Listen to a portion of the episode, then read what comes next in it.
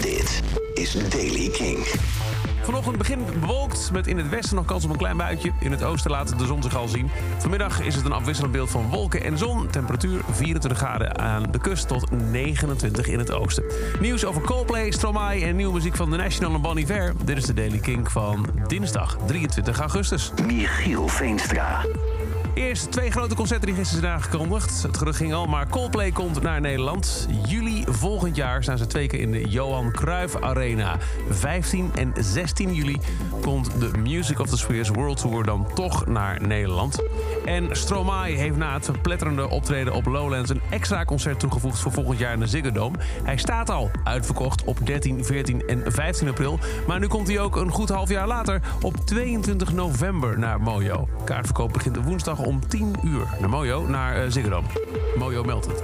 En dan, het werd al aangekondigd, er is een samenwerking uitgebracht tussen The National en Bon Iver.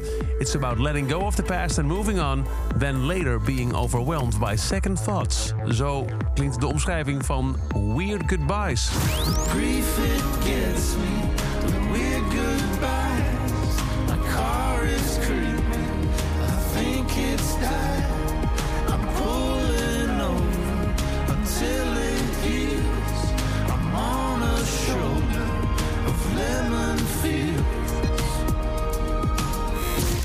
Van The National, samen dus met Bon Iver. Dat is over deze editie van The Daily Kink. Elke dag er een paar minuten bij met het laatste muzieknieuws en nieuwe releases. Niks missen? Luister dan elke dag op je favoriete podcastplatform... of check dag in dag uit de Kink-app of kink.nl. Voor meer muzieknieuws en nieuwe muziek... luister je s'avonds om 7 uur naar Kink in Touch.